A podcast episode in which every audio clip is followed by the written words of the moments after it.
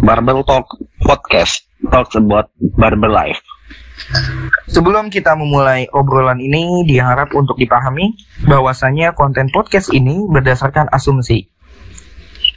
Pendapat sebagai media, tempat kita mengaspirasikan pemikiran kita. So, tolong dimengerti dan buang jauh-jauh baper-baperan yang tidak jelas. Oke, musik dulu ya.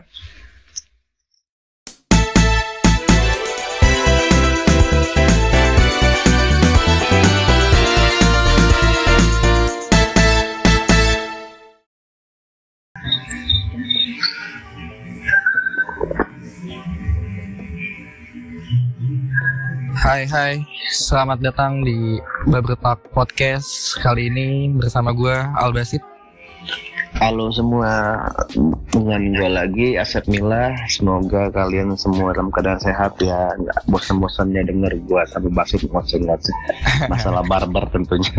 Sep, anyway Oh, iya. kayaknya lu ngantuk banget nih Baru bangun apa?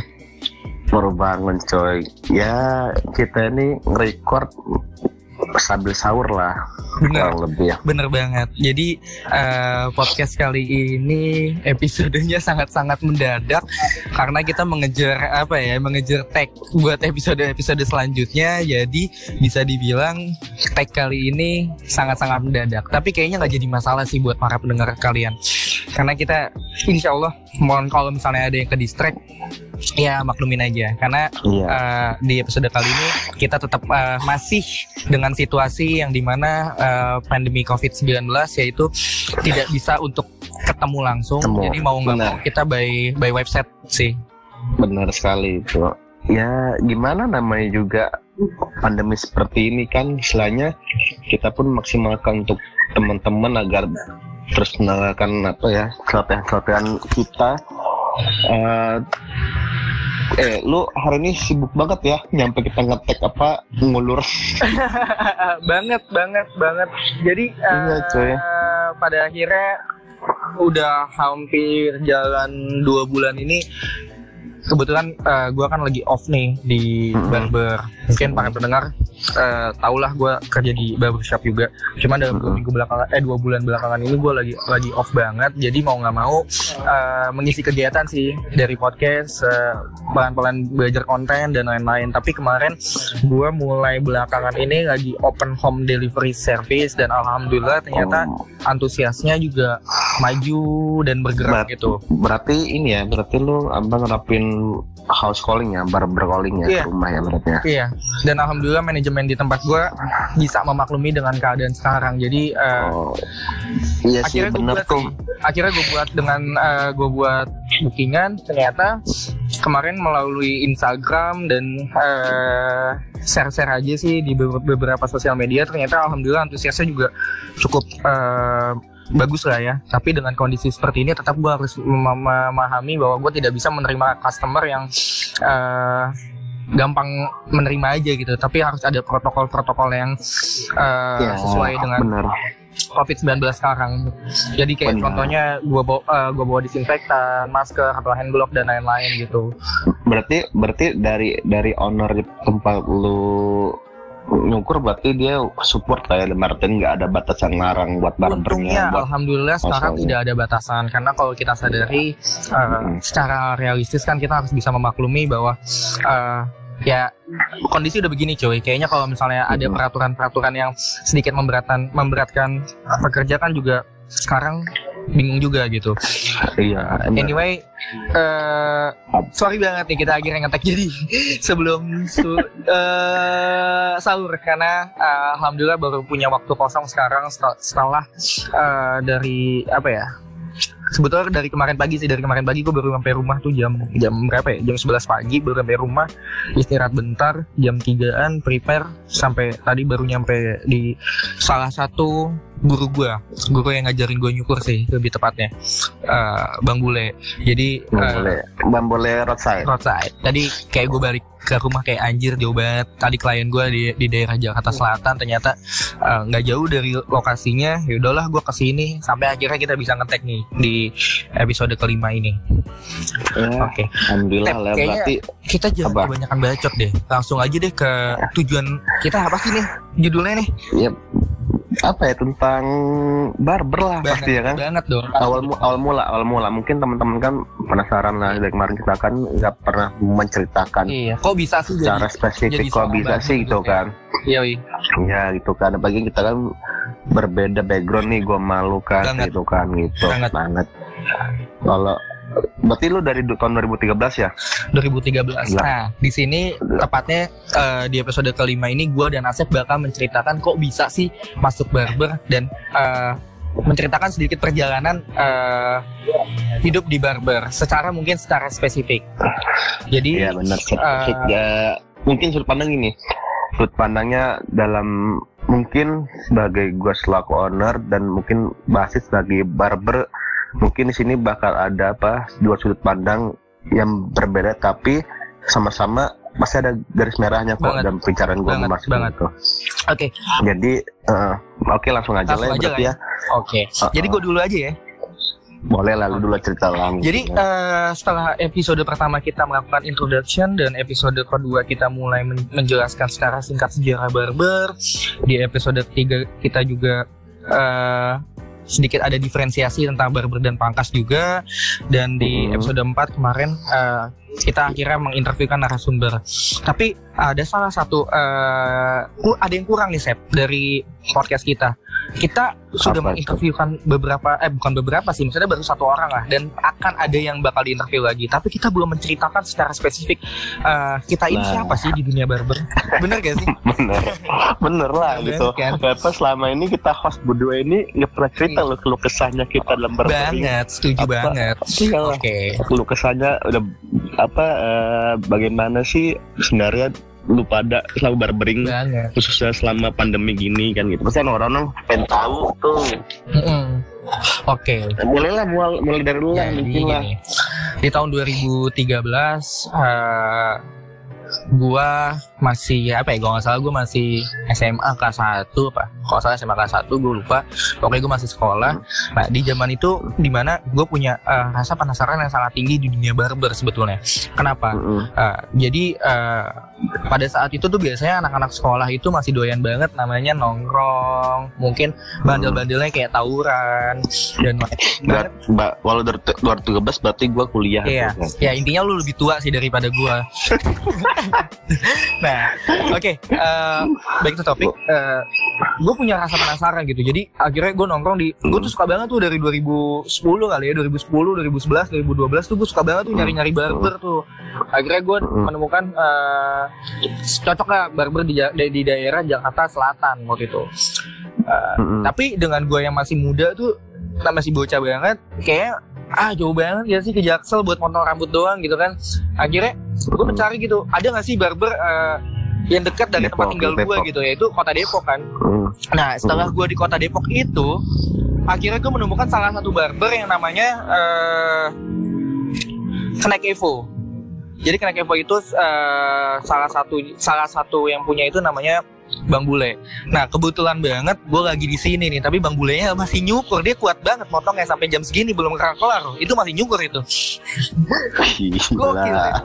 Ini BTW ini jam berapa ini? Jam Jam 2.59 jam cuy. 3 Pak. Jam 9. Gila. Iya, jam 2.59 cuy. Oke, Dan dan gue selalu gue salutnya ada konsumen dia di Banget. sini ya. eh ini ada yang ketok-ketok Wah. kayaknya maklumin ya jam 3 malam nih, udah ketok-ketok nih tiga kali. Ronda-ronda. Oke lanjut. Nah di 2013 itu akhirnya gue punya rasa penasaran di mana lah gue main sama gue main ke barber di situ gue nggak gue main sama ada yang ada tuh gue ketemu sama salah satu teman barber juga namanya Virgi tuh pasti lu tau lah Mm. Nah, Tahu. ada Virgi dan lain-lain tuh nggak salah eh, IP itu Indonesia Pomade eh, Enthusiast. Nah pada saat di situ tuh Ya. gue main di situ ada salah satu distro juga punya temannya bang bule Eh, dia orang Bogor nah singkat cerita gue main ke situ gue bocah sendiri tapi teman gue tuh anak-anak di dunia seni gitu yang satu art worker Hmm. kita tahu lah art worker siapa si Virgi kan Hmm. dia jago banget tuh gambar Iya. terus eh bang bule nyukur terus ada teman temannya bang bule distro gue lupa, lupa namanya Jarwo apa Jarwo apa siapa. Terus gue main gue gue ke situ eh, dia dia dia bisa desain eh, baju terus punya clothing dan lain-lain gitu kan. Terus gue main ke situ kayak lah gue ngapain main? Gue main ke tempat seni yang anak-anaknya berpikir secara pakai otak kanan ya otak kanan otak kiri tuh yang pakai seni gue lupa dah otak kanan yang main pakai otak kanan Mm-mm. dan gua anak-anak yang dibilang sistematis dalam arti masih berpendidikan secara uh, formal gitu kan. Nah Mm-mm. terus gue main ke sana kayak gue main sama anak-anak seni tapi nggak ada ilmu yang bisa gue pakai gitu. Nggak ada ilmu yang bisa gue nggak bisa yang gue dapat dan gue terapkan gitu. Akhirnya gue nggak tahu kenapa ada itu awalnya kalau ditanya gue kenapa masuk barber itu gue iseng set bisa dibilang. Nah, iseng itu dalam arti ada di waktu yang di mana gue bilang bang ajarin gue dong. Hah? Ajarin apa? kata bang bule. Ajarin nyukur. Serius lu masih sekolah. Iya bang. Nggak tahu aja bang gue pengen belajar gue bilang gitu. Dan pada akhirnya eh, singkat cerita gue mulai mu- mulai rasa penasaran mulai kepo dan mulai ganggu.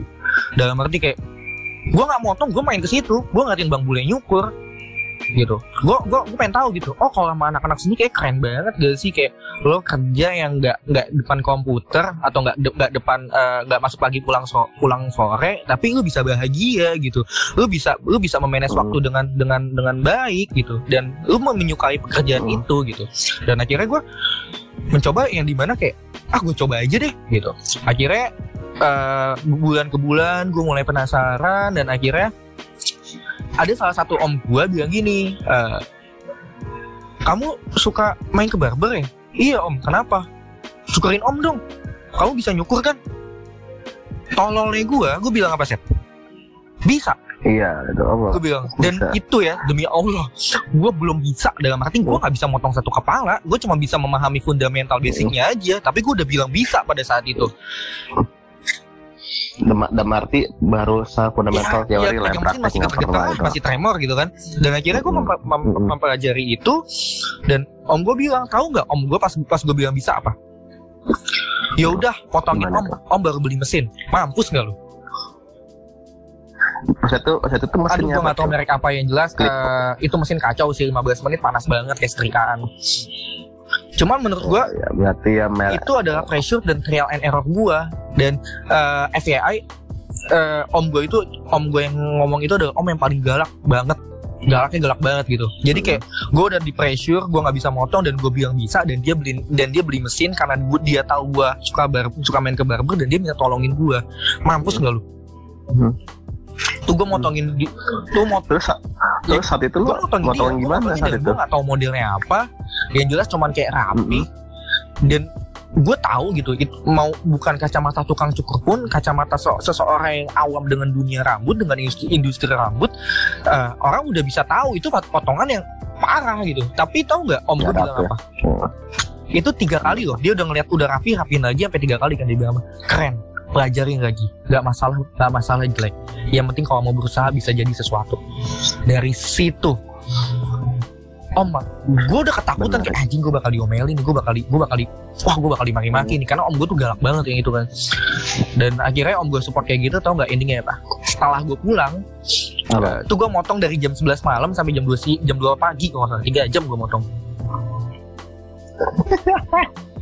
Nggak rasa-rasa emang sih, awal. Gue pakai gunting in, gue pakai gunting eh, pakai gunting emi, nyaris tuh kepleset merek. Tapi biasanya gitu sih hal menakutkan ketika kita mulai hal baru dan berarti Hmm. kita nyukur ya. Gue pun juga sama dulu. Awal gue mulai nyukur tuh, wah gue ah, mungkin bisa sampai dua jaman dan itu pun apa yang ketika nyukur ngerasanya rapi nggak Iya. rapi nggak ya gitu ujung-ujungnya malah berantakan tapi tapi tapi malah di situ tuh apa ya Yes. jadi kecanduan loh. Itu akhirnya Iya. setelah gue motongin om gue tuh jam 2 akhirnya gue ngobrol-ngobrol kayak emang kamu suka sama dunia ini gini gini gini gini gini gini gini?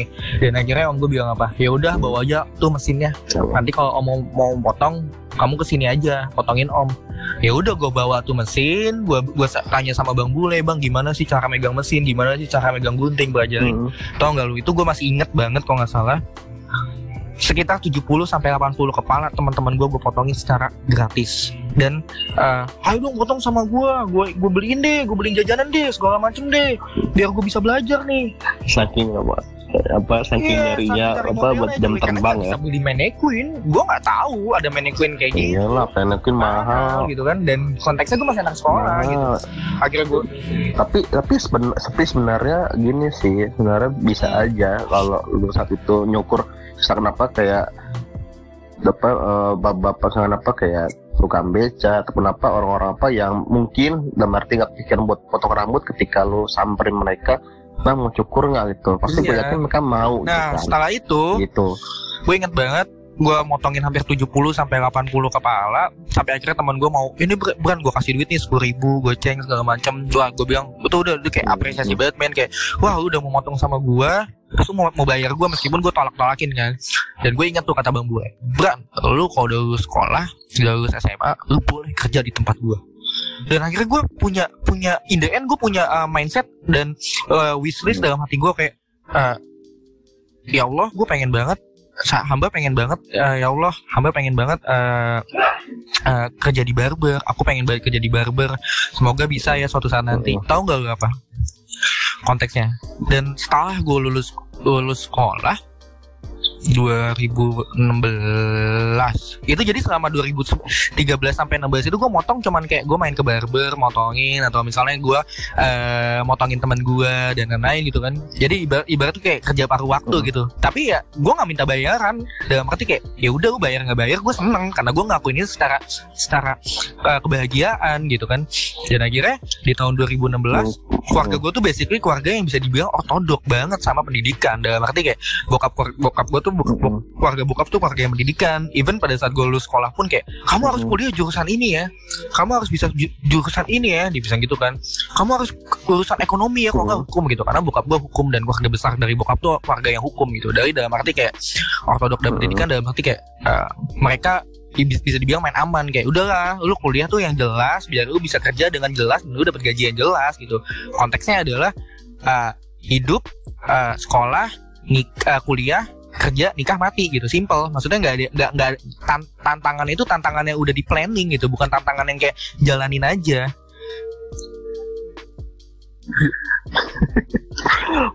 Tapi ya mungkin kalau apa kalau saat itu lu diuntungkan posisi lu Iya. bermulai dari SMA ya. Dalam artian akhirnya saya dan sering gua- dengan sir gue di Gimana? 2016 gue mau kuliah gue nggak dapet cuy.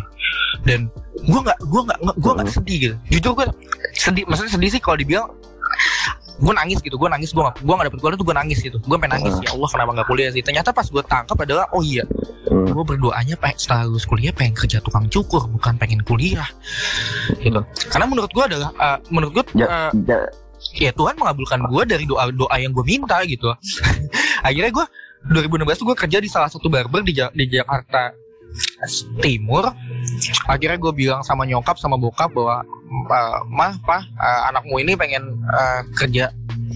Kayaknya kerjanya adalah seorang tukang cukur gue bilang gitu. Tahu nggak? Bokap gue bilang bok Hmm. bokap nyokap gue bilang apa? Apa? terutama nyokap sih kayak kamu yakin? Banyak. Pergaulannya nggak bener loh. Orangnya pada orangnya pada orangnya pada begini loh. Nanti kamu dapet customer yang uh, Hmm. yang sukanya sama laki-laki loh dan lain-lain loh gue bilang mah gue bilang Hmm. uh, gue kan dipanggilnya Ade ya di rumah ya. Ade tuh ngejalanin ini dengan dengan dengan suka suka dengan suka dan cita gitu, dengan kebahagiaan gitu. Dan Ade bisa Hmm. bisa uh, bisa membedakan mana yang baik dan mana yang tidak benar gitu. Sekarang uh, Ade udah nggak kuliah. Hmm. Sekarang satu tahun ke depan Ade mau ngapain? Gue bilang gitu kan. Uh, percayalah kalau misalnya anakmu ini pengen sukses gitu. Anakmu ini pengen berusaha dengan dengan caranya sendiri gitu. Meskipun bukan secara uh, apa namanya uh, keinginan nyokap bokap gue yang pengen gue apa anak hukum atau anak ekonomi atau anak yang ibarat gelar lah gitu. Yang even Terus kalau Kalau bokap tuh kayak- lu gimana responnya kayak gitu? awalnya berat nggak awalnya berat. gitu. Dia pokoknya tuh dia tetap pokoknya kamu harus kuliah ya pokoknya harus kamu harus kuliah ya. Nah akhirnya setelah 2016 gue kerja gue doa lagi tuh. Ya Allah eh, bisa gak sih eh, hambamu ini bisa bisa kerja sambil kuliah kerjanya tetap tukang cukur tapi kalau bisa kuliah. Tahu nggak ternyata apa? Dan akhirnya di 2017 gue dapat kuliah. Sampai sekarang kan? Sampai di 2017 gue kuliah di sini dapat tingkatan lagi eh, pemikiran lagi yang dari bokap gue sih terutama kayak eh, kamu yakin uh, kuliah sambil kerja? Udahlah orang tua tuh masih bisa ngebantu gitu.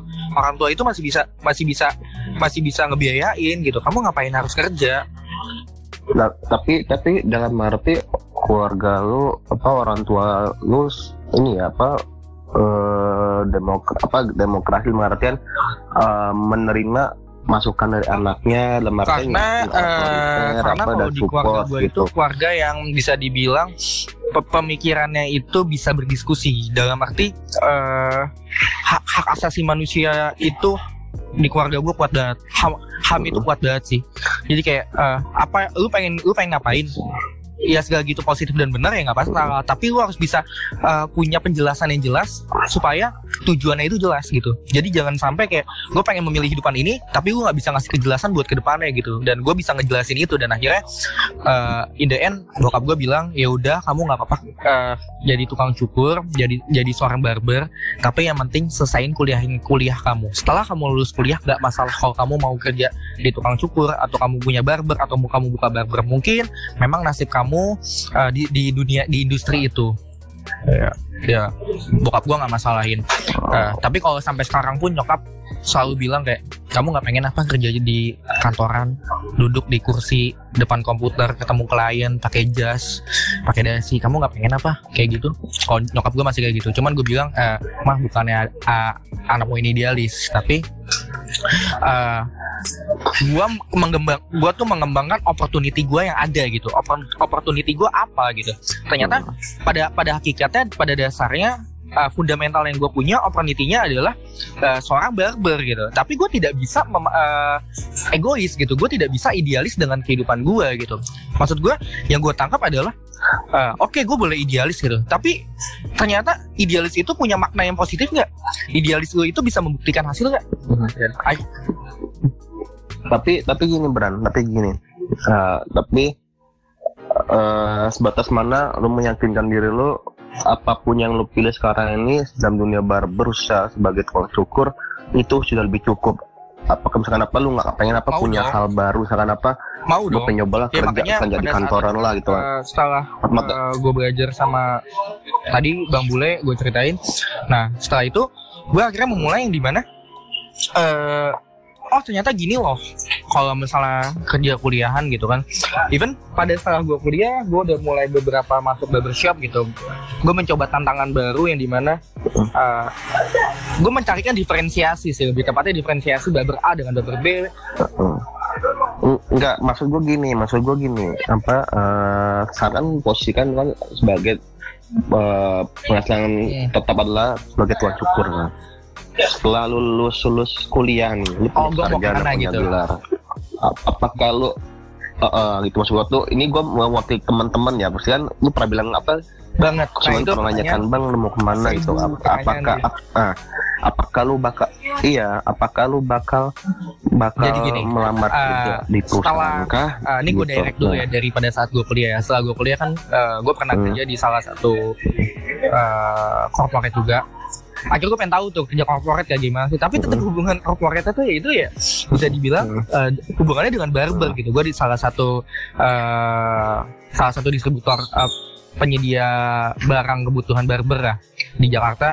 Kayak dia masuk pagi pulang sore juga gitu kan sempat depan komputer juga sempat ketemu klien juga kerja gue di marketing kan waktu itu akhirnya gue merasakan oh ini loh kalau kerja kantoran dan eh, kalau ditanya Hmm. mungkin setelah gue kuliah gue mau jadi apa setelah gue punya gelar sarjana komputer eskom jadi just for FYI just for your information bagi para pendengar eh, gue kuliah sebagai jurusan informatika.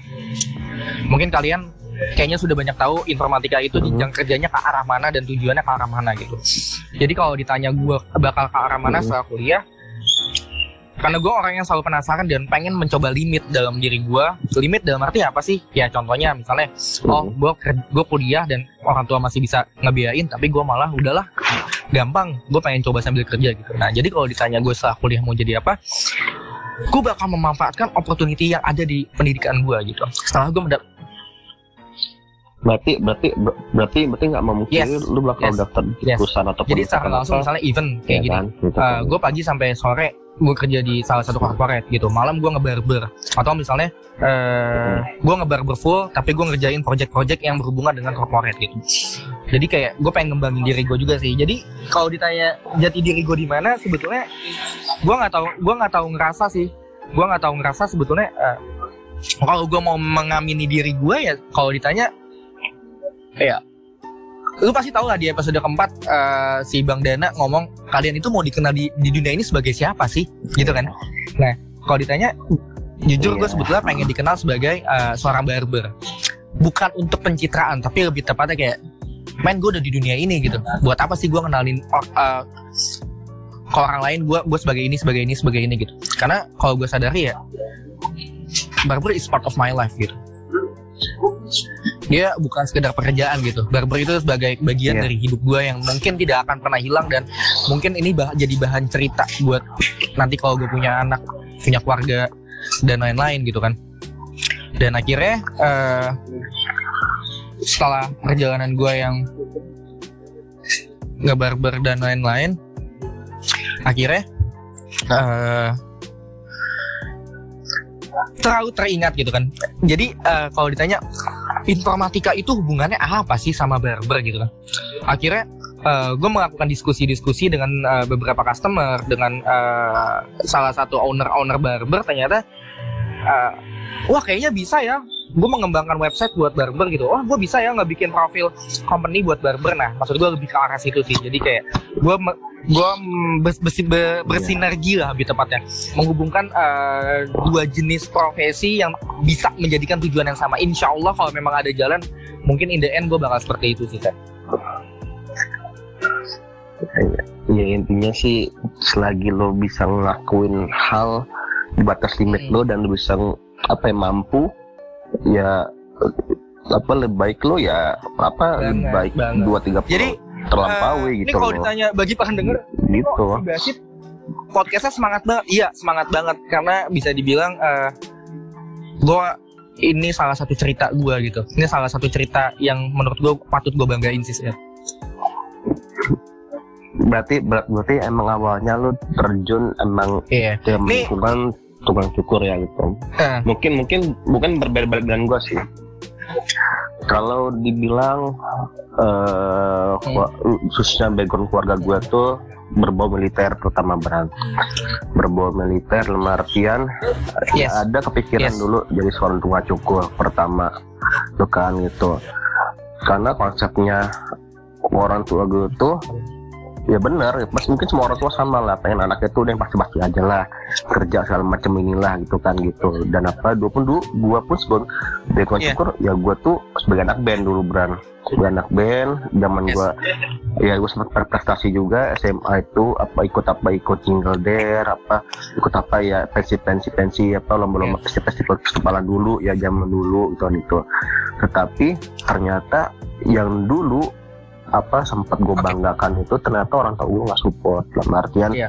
apa ngapain lo jadi anak band lah gitu kan gitu. nyampe gue pun pengen kuliah dulu di Lampung tuh yes kampusnya tuh empat kampus yang beranak band lah gitu dan gue nggak boleh dan saat itu gue diarahkan untuk Yes.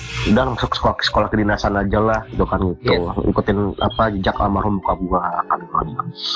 ya udah ya gue ikut ngatur orang tua kan gitu dan orang tua dan ternyata bukan di situ apa jodoh gue tapi di sekolah kedinasan lainnya gitu. Nah nah karena apa eh, selama tiga tahun gue sekolah itu kan setiap dua minggu sekali itu nyukur. Selalu cukur selalu Iya. apa selalu botak botak botak gitu gitu gitu. Nah di situ nggak tahu gue ngerti. Entah mungkin karena sering banyak clipper kepala gua gitu kan. Jadi entah Iya. bikin candu atau gimana lah gitu kan gitu. Gue tuh risih beran risih apa tiap tebel potong tebel potong. Kadang pernah seminggu sekali potong kayak gitu kan gitu.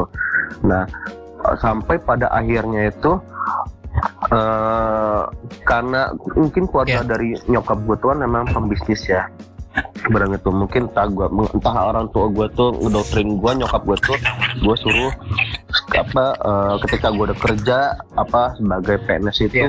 kalau bisa duitnya tuh jangan apa dibuang gitu kan tetap aja gitu kasih puter lah gitu kan ya udah akhirnya gue konsul sama teman-teman gue apa yang udah terjun dalam dunia bisnis saat itu udah gitu uh, gue tanya, tanya lu suka apa tahun Oke. itu ini cerita awal dulu ya gitu gue suka dua hal Oke. gue bilang saat itu gue suka banget sama Taichan istilahnya itu Lampung sih? Jakarta bukan Taichan Senayan kan gimana sih Oh, kan 2019. tahun 2013 gua 2013 2013 Itu udah Taichan ya? 2013 gua kuliah di sekolah Gue nggak, gue nggak tahu. iya Taichan ya Taichan gua. Karena anak Ih, dapat ada gagar dari Taichan itu kan itu. Nah saat gua udah mau, mau buka bisnis di Lampung Taichan Oke. ternyata gue ada kecolongan ada udah ada duluan gitu kan. Era era saat itu gue punya modal gue pengen bangun usaha apa yang lu suka saya gitu. Apa yang sering gue lakuin nah? Gue Oke. sering ya nyukur sih gitu kan gitu kan gitu apa sering apa sering Oke. apa apa tiap dua minggu sekali nyukur itu ya udah buka aja apa tempat cukur lah itu kan itu saat itu gue punya dana sekian tapi itu benar-benar Oke. buta gue benar Jadi bisa dibilang nol Lu memasuki dunia barbershop, itu dunia industri kreatif ini eh, secara eh, trial and error gitu ya. Maksudnya tidak tidak mendalami kan ada orang yang buka barber iya ya dia berawal Iya. dari tukang cukur gitu. Tapi lu bukan tukang cukur malah buka barber gitu ya. Iya, beda.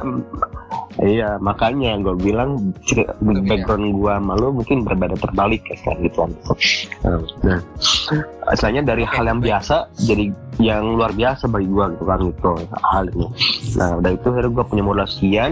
Saat itu gue punya teman yang sekarang apa satu tim sama gue di clubhouse. Udah itu yang dulu juga teman gue juga dia ini. Ya, nah, gue ketemu partner saat itu, ketemu partner apa eh ya apa ya dia punya temen kampusnya tukang cukur kan gitu. Jadi setelah itu gue kayak pemodal pasif lah kan. Pemodal pasif ketemu ya cocok gitu kan. Itu juga gue masih buta tentang bisnis kan Jadi kayak benar coding, le- let, apa, let it flow lah itu ya. ya udah ngebak let it flow aja ngalir aja. Apa yang penting udahlah jalan dulu aja gitu kan. Sebenarnya apa? Sebenarnya itu salah. Namanya di situ harus dipersiapkan secara matang apa gitu. Gitu. Jadi buat pendengar apa yang pengen buat bangsa itu tolong kalian tuh buat starting planning Iya. dulu lah gitu kan. Gitu. Jangan, jangan ngalir jadi buang apa pengalaman gue jadi ngebuang duit percuma apa selama selama Karena memang beberapa bulan lah itu kan secara bisnis. Benar mental gitu kan jadi apa istilahnya kayak iseng-iseng kesamaan lah gini. mungkin Lu iseng-iseng gue bangun bikin bisnis bikin barber, iseng gue nyukur iseng jadi barber. Oke, lanjut. iya gitu kan gitu jadi apa eh iseng-iseng terus ya udah itu gua mata sa- dia sendirian nyukur apa saat itu Oke. kan gua kerja di sini kan otomatis Baik. ya gua percayakan ke dia gitu kan gitu Baik. bisa jatuhin gue tuh kayak investor lah Baik. market investor kan saya nggak langsung gitu kan gitu tetapi eh, ternyata sinjang waktu itu pengalaman yang gue pribadi ya gitu eh, ketika suatu brand lo Hmm, sudah apa sudah mulai naik Banget. nah, itu udah mulai demandnya udah meningkat pasti. di situ bakal kok Karena muncul konflik pasti semakin konflik tinggi konflik semakin suatu goyang anginnya.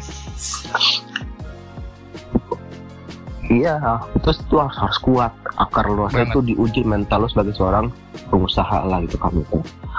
Nah, dari situ timbullah pergesekan-pergesekan pergesekan lah gitu kan itu. Sampai sampai pada akhirnya itu gue nggak ngerti ya apa eh, kena, apa kenapa orang ini kok jadi berubah ke guanya gitu loh. Jadi berubah lah Martin. Oke. Ternyata situ dipertanyakan yang konsep awalnya kita ngomongin bisnis ini berdua tapi Oke. orang ini pengen memiliki brand itu loh ya mau nggak gue ngasihnya tapi sedangkan ya dari Oke. segi segi segi konten apa segi nama segala macam tuh dari segi karakter branding itu ya pure gue sama drummer gue ini loh temen gue ini loh gitu kan gitu Pak. Oke. Apa, bukan partner cukan cukur gue bukan kan gitu sedangkan partner cukan cukur gue ini dulu ketika diajak sharing ya dia tuh nggak ya udah serah- kayak- kasih kayak, kasih uh, aja lah gimana lah gitu kan Udah lu gitu. bos, itu suka-suka lo gitu. Tapi lu pengen ngebuat gimana jadi leader dan ngebimbing mereka gitu ya. Hmm. Oke. Iya gitu. Jadi gue tuh selalu bilang gitu kan dia posisikan gue sebagai bos gitu kan posisikan gue sebagai rekan kerja lu partner kerja lu. Saya tuh selain itu gue nih kerangkanya lu dinamonya. Gue selalu bilang gitu kan gitu kan gitu. Nah tapi ya gimana namanya ego keartisan seorang tukang cukur lah ya. Gue yakin semua apa di situ gue belajar gue belajar. Di situ gue melek buat tentang dunia barbering. Ternyata ya apa ya jadi gua, apa dari hal itulah gua apa dipandang nol sudah mata beran karena satu sisi gua nggak ngerti tentang barbering dan gua nggak bisa cukur saat itu saat itu saat itu konflik dan itu nggak ada MOU juga Eh, udah gitu eh, ya dia tiba-tiba pengen milikin katos ya dia gini dia selalu nanya ketika Oke. modal udah balik eh, sorry gue potong. Itu, siapa? lu itu Gitu. gentleman Ya, gua bilang- atau gimana? Hmm. Awalnya. Oh berarti gentleman agreement awal ya? gimana? Iya hanya sekedar ngomongan aja, Brang. Gue bilang, gua- ya cuman iya, gue bilang tadi kan gak ada MOU dari awal kan, istilah itu. Istilah itu gue bener-bener buta dalam bisnis saat Oke. itu, gitu. Hanya apa? Ya udah tahu tadi ter- error gitu loh. Ini di sini, makanya di sini gue terbuka aja sama Hmm. pendengar semua. Jadi semoga pengalaman gue ini jadi pembelajaran buat lu Oke. pada yang bangun bisnis tuh jangan nyampe kayak gue saat itu.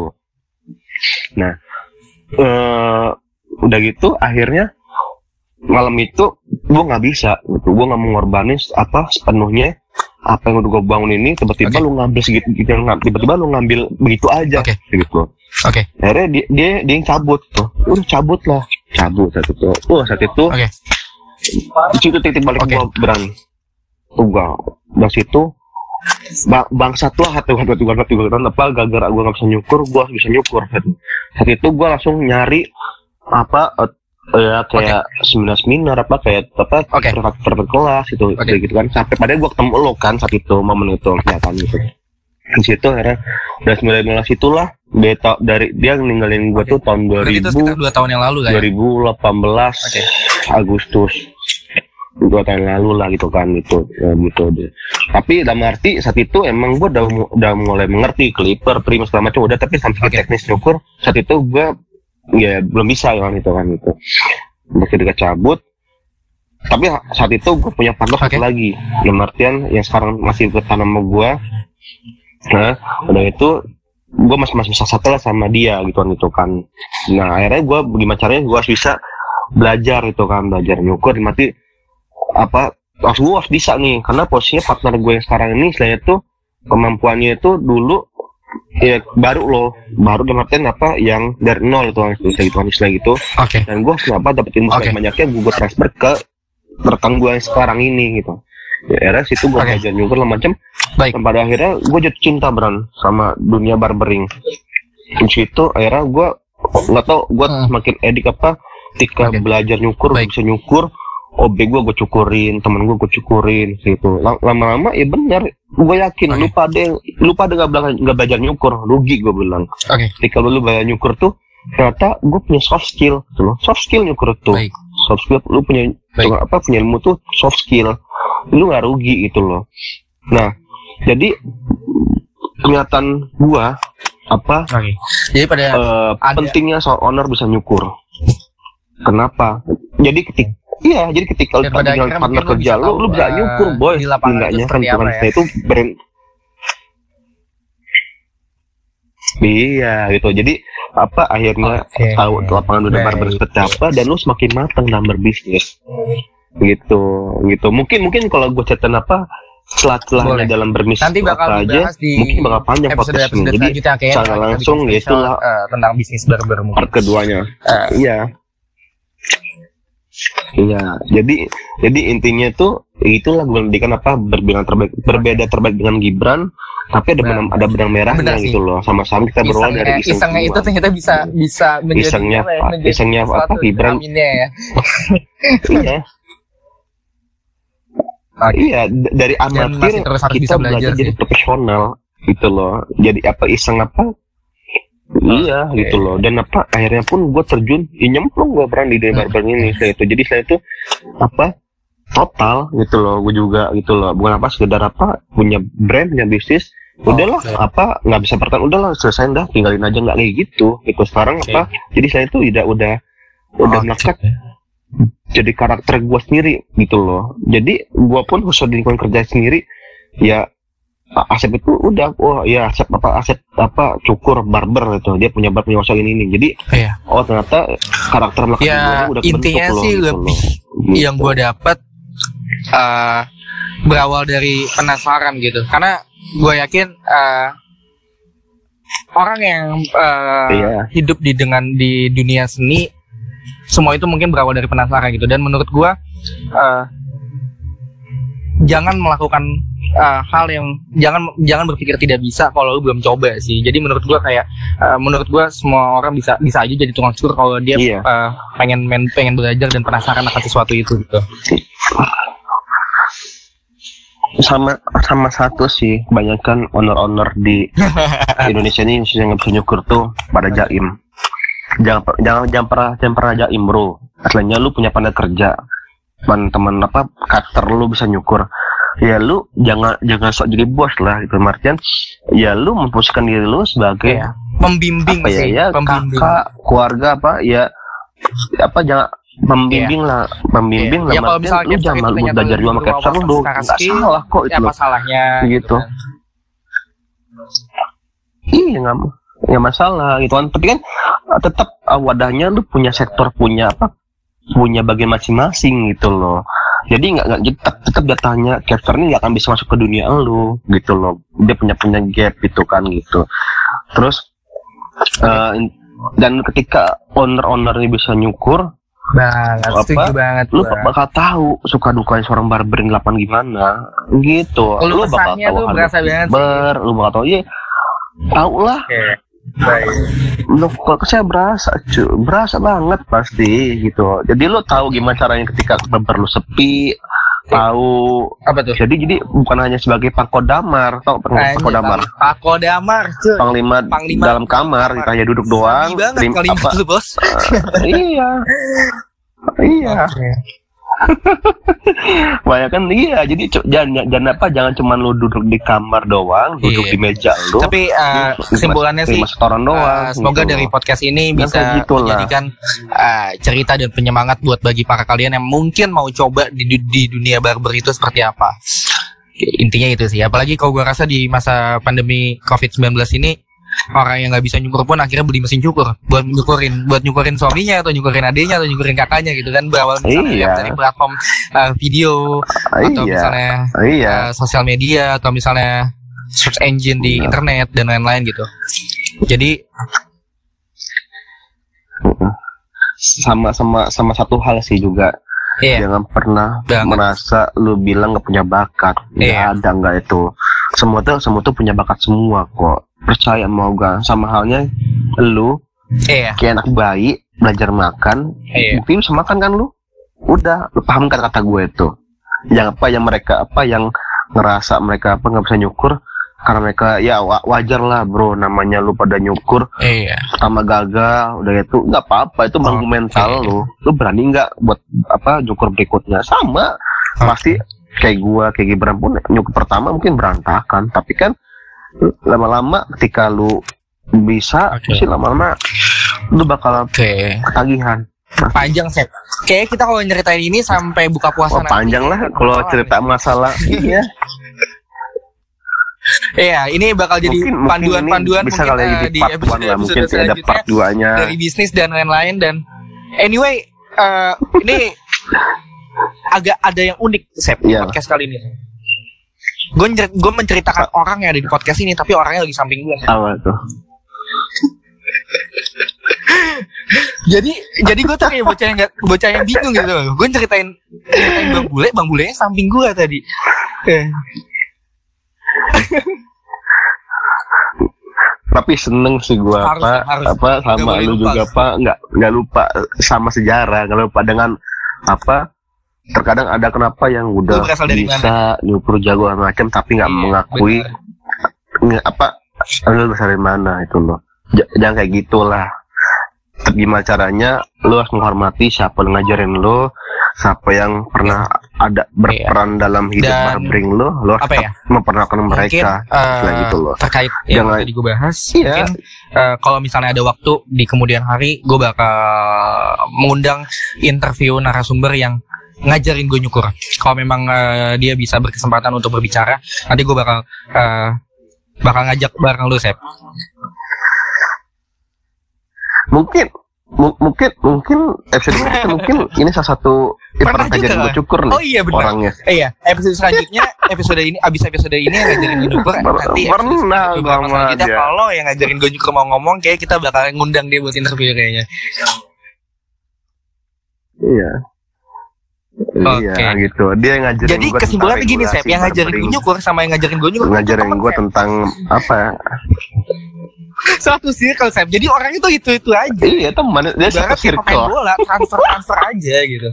Oke lah, Itu ah, Eh, itu sudah marah. eh, masa-masa sahur kayak kita nggak mungkin Iya. bisa lama-lama lagi. Sahur ya. Harus sahur dan kayaknya capek banget kalau bacot sambil makan. Jadi lebih baiknya kita bakal melanjutkan eh, episode-episode ini selanjutnya Eh, dengan kondisi dan eh apa ya suasana yang lebih nyaman dan damai. Karena mohon maaf kalau misalnya agak ke distract karena gue lagi di lokasi eh tempat yang ngajarin gue nyukur. Anyway, eh, mohon maaf apabila ada kesalahan kata dan kesalahan record. Benar. Eh, mohon dimaklumkan. Tetap semangat, eh, jaga kesehatan buat kalian semua. Eh, ini udah mau lebaran loh, jangan sampai eh, jangan sampai gimana gimana, harus tetap jaga kesehatan. iya. Paling Benar. eh gitu aja kali Sep ya yang bisa dijelasin di podcast kali ini kayak kayaknya ya. Oh ya, eh, bagi para pendengar atau para barber atau Benar, siapa pun benar. itu yang mungkin ada hubungannya dengan barber, eh, boleh banget eh, bisa berdiskusi di podcast kita eh, dengan cara eh, email di business.barbertalks@gmail.com atau di Instagram kita di barbertalks.id. Kritik dan saran boleh banget ada di situ. Oke, Sep. Anyway, kita ada di mana sih kalau dengerin platformnya? Benar. Platformnya kita ada di Spotify pastinya bisa di search aja Barber Talk ID Oke. bisa Jadi ada itu ada di tiga YouTube uh, aplikasi dan ada di musik yang bisa Apple. Podcast Kalau kalian tidak pakai Spotify, Gitu. kalian tidak di Jadi- Apple Podcast. Nggak ada Apple tiga. Podcast, bisa di YouTube. Jadi di mana aja. Hmm. Kalau emang kalian suka sama Benar, podcast di kita, boleh YouTube. banget di subscribe di aja, YouTube, benar. di follow di Spotify atau di subscribe juga di Dan- Apple Podcast. Mm, Banget. Dan kalau misalnya ada ide-ide buat di Di sharing juga ke teman-teman podcast kita, lainnya. boleh banget silakan DM di Instagram kita Hmm. di Babertalks. mm. Gak masalah. ataupun komen-komen Iya, ya. di setiap postingan Kayaknya gue udah mulai kita nggak Sep. Udah- udah ngotot nih, udah capek kita, gua ngomong kita mulu. kalau menampung Udah lapar. ya boleh lah Eh, gue udah lapar ini. Nanti Sama, udah- udah- udah- udah mau hampir sejam. Gue harus banyak kurang lebih ya Iya. Udah padahal udah kita 40 menit bahasan baru, baru Ya kulit ya penggambaran kata, eh, apa Gua Albasit awal mula kita terjun iya di episode episode selanjutnya. Sampai jumpa. See ya. sampai ketemu lagi di episode berikutnya